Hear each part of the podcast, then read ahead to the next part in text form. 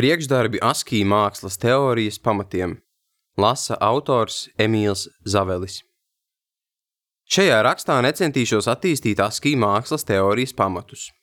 Jebkura mākslas virziena teorijai jāuzrāda tā darbos lietotās tehnikas, virziena vēsture un jēdzieniskās robežas, tas ir definīcijas skice. Šādā nozīmē es tikai centīšos veikt priekšdarbus ASCII mākslas teorijas pamatu veidošanai. Tāpat es necentīšos aizstāvēt ASCII attēlu mākslas darbu statusu. Mana sākuma pozīcija ir ASCII attēli ir māksla. Vienīgi no institucionālo mākslas teoriju piekritējiem varu diletantiski atgaiņāties, norādot, ka ASCII mākslai ir bijusi vieta izstāžu zālēs, kā fiziskā, tā kibertelpā. ASCII attēli nav nemaz tik svešādi, kā sākumā varētu šķist. Ticu, ik katrs mobilajā tālrunī vismaz reizi ir ievadījis kombināciju ASCII 58, ASCII 40, proti bēdīgo smaidiņu, ko veido kols un atvērta iekava. Burtkopa ASCII ir saīsinājums American Standard Code for Information Interchange un apzīmē 95 rakstzīmju kopu, ko veido latīņu alfabēta, mazie un lielie burti, kā arī cipari no 0 līdz 9 un dažādi matemātiskie un interpunkcijas simboli. Katram simbolam ir savs numurs, taču pārskatāmības labad tos neuzskaitīšu. Lai gan ASCII mākslas autoriem jau izsenis ir bijuši pieejami paplašināti rakstzīmju komplekti, to lietošana samazina cilvēku skaitu, kas radītos attēlus varēs aplūkot. ASCII māksliniece Džona Stārka piedāvā pragmatisku apsvērumu šo rakstzīmju lietošanai. Uzskaitītās 95 rakstzīmes spēja attēlot pilnīgi visas digitālās ierīces – Līdz ar to ASCII rakstzīmju universālā nolasāmība ir iemesls to lietojumam mākslā. Tomēr jādomā, ka ASCII mākslas universalitātes vērtība ir ne tikai pragmatiska, proti maksimizēt skatītāju skaitu, bet arī estētiska. Tur slēpjas šī daļradas virziena šarms. Tomēr jādomā, ka ASCII mākslas universalitātes vērtība ir ne tikai pragmatiska, proti maksimizēt skatītāju skaitu, bet arī estētiska, Tur slēpjas šī daļradas virziena šarms.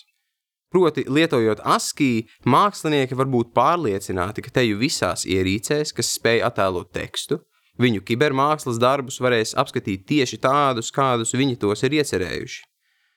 Jāuzsver, ka no ne ASCII rakstzīmēm veidoti attēli nav un nevar būt ASCII māksla. Var gan runāt par tā saukto high ASCII mākslu, kas izmanto citas rakstzīmes, Taču šis nošķīrums starp ASCII, high ASCII, ANSI mākslu un tam līdzīgi ir skaidrs un nepieciešams. Tas īpaši jāuzsver jau pašā ASCII mākslas teorijas iedīglī. Tomēr, vai smaidiņš, ko veido kols un aizvērta iekava, ir mākslas darbs? Nu pat pieņēmu, ka ASCII attēli ir māksla. Šāds smaidiņš noteikti ir ASCII attēls. Tas ir attēls, kas veidots no divām ASCII simbolu kopas zīmēm – No tā šķiet izriet, ka smaidiņš ir mākslas darbs. Tomēr nu rādās, ka ASCII mākslas aprises ir iezīmētas pārāk plaši.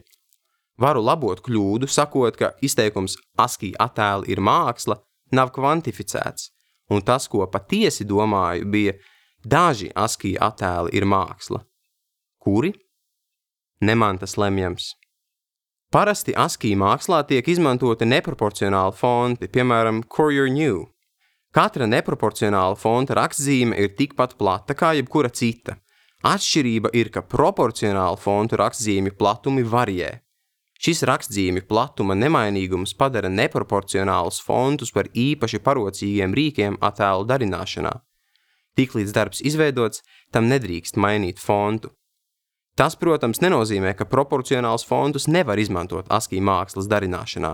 Var, taču tas ir ievērojami grūtāk minētās īpašības dēļ.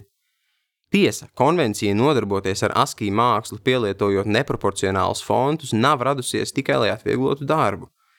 Dažādas ierīces, un tas šajā jautājumā ir pats būtiskākais, vienu un to pašu proporcionālo fontu var attēlot ar minimālām izmaiņām. Lai gan atšķirības ir nelielas, tās ASCII mākslas darbam var būt liktenīgas. Katrs pikselis ir no svara, un neproporcionāli fonti nodrošina, ka tie paliks savās vietās. Tātad, atkal atgriežamies pie universalitātes, tikai šoreiz rakstzīmju tipa, nevis rakstzīmju kopu plaknē. ASCII māksla ir teksta māksla. Tādēļ tā tiek veidota parastās teksta apstrādes programmās, piemēram, Notepad, tādējādi radot teksta failus. Līdz ar 90. gadu sākumu interneta vidē populāras bija kļuvušas tās augtās wares pakas. Tās bija zip formāta pakas, kas galvenokārt saturēja pirātiski iegūtus materiālus, kā programmas, filmas un tam līdzīgi, taču noteiktās mākslinieku kopienās ar tām izplatīja arī ASCII mākslu. Ātrums, kādā māksla izplatījās, sniedza autoriem iespēju apgūt jaunas tehnikas, smelties iedvesmu un, kā nereti notiek, imitēt izcilākos darbus.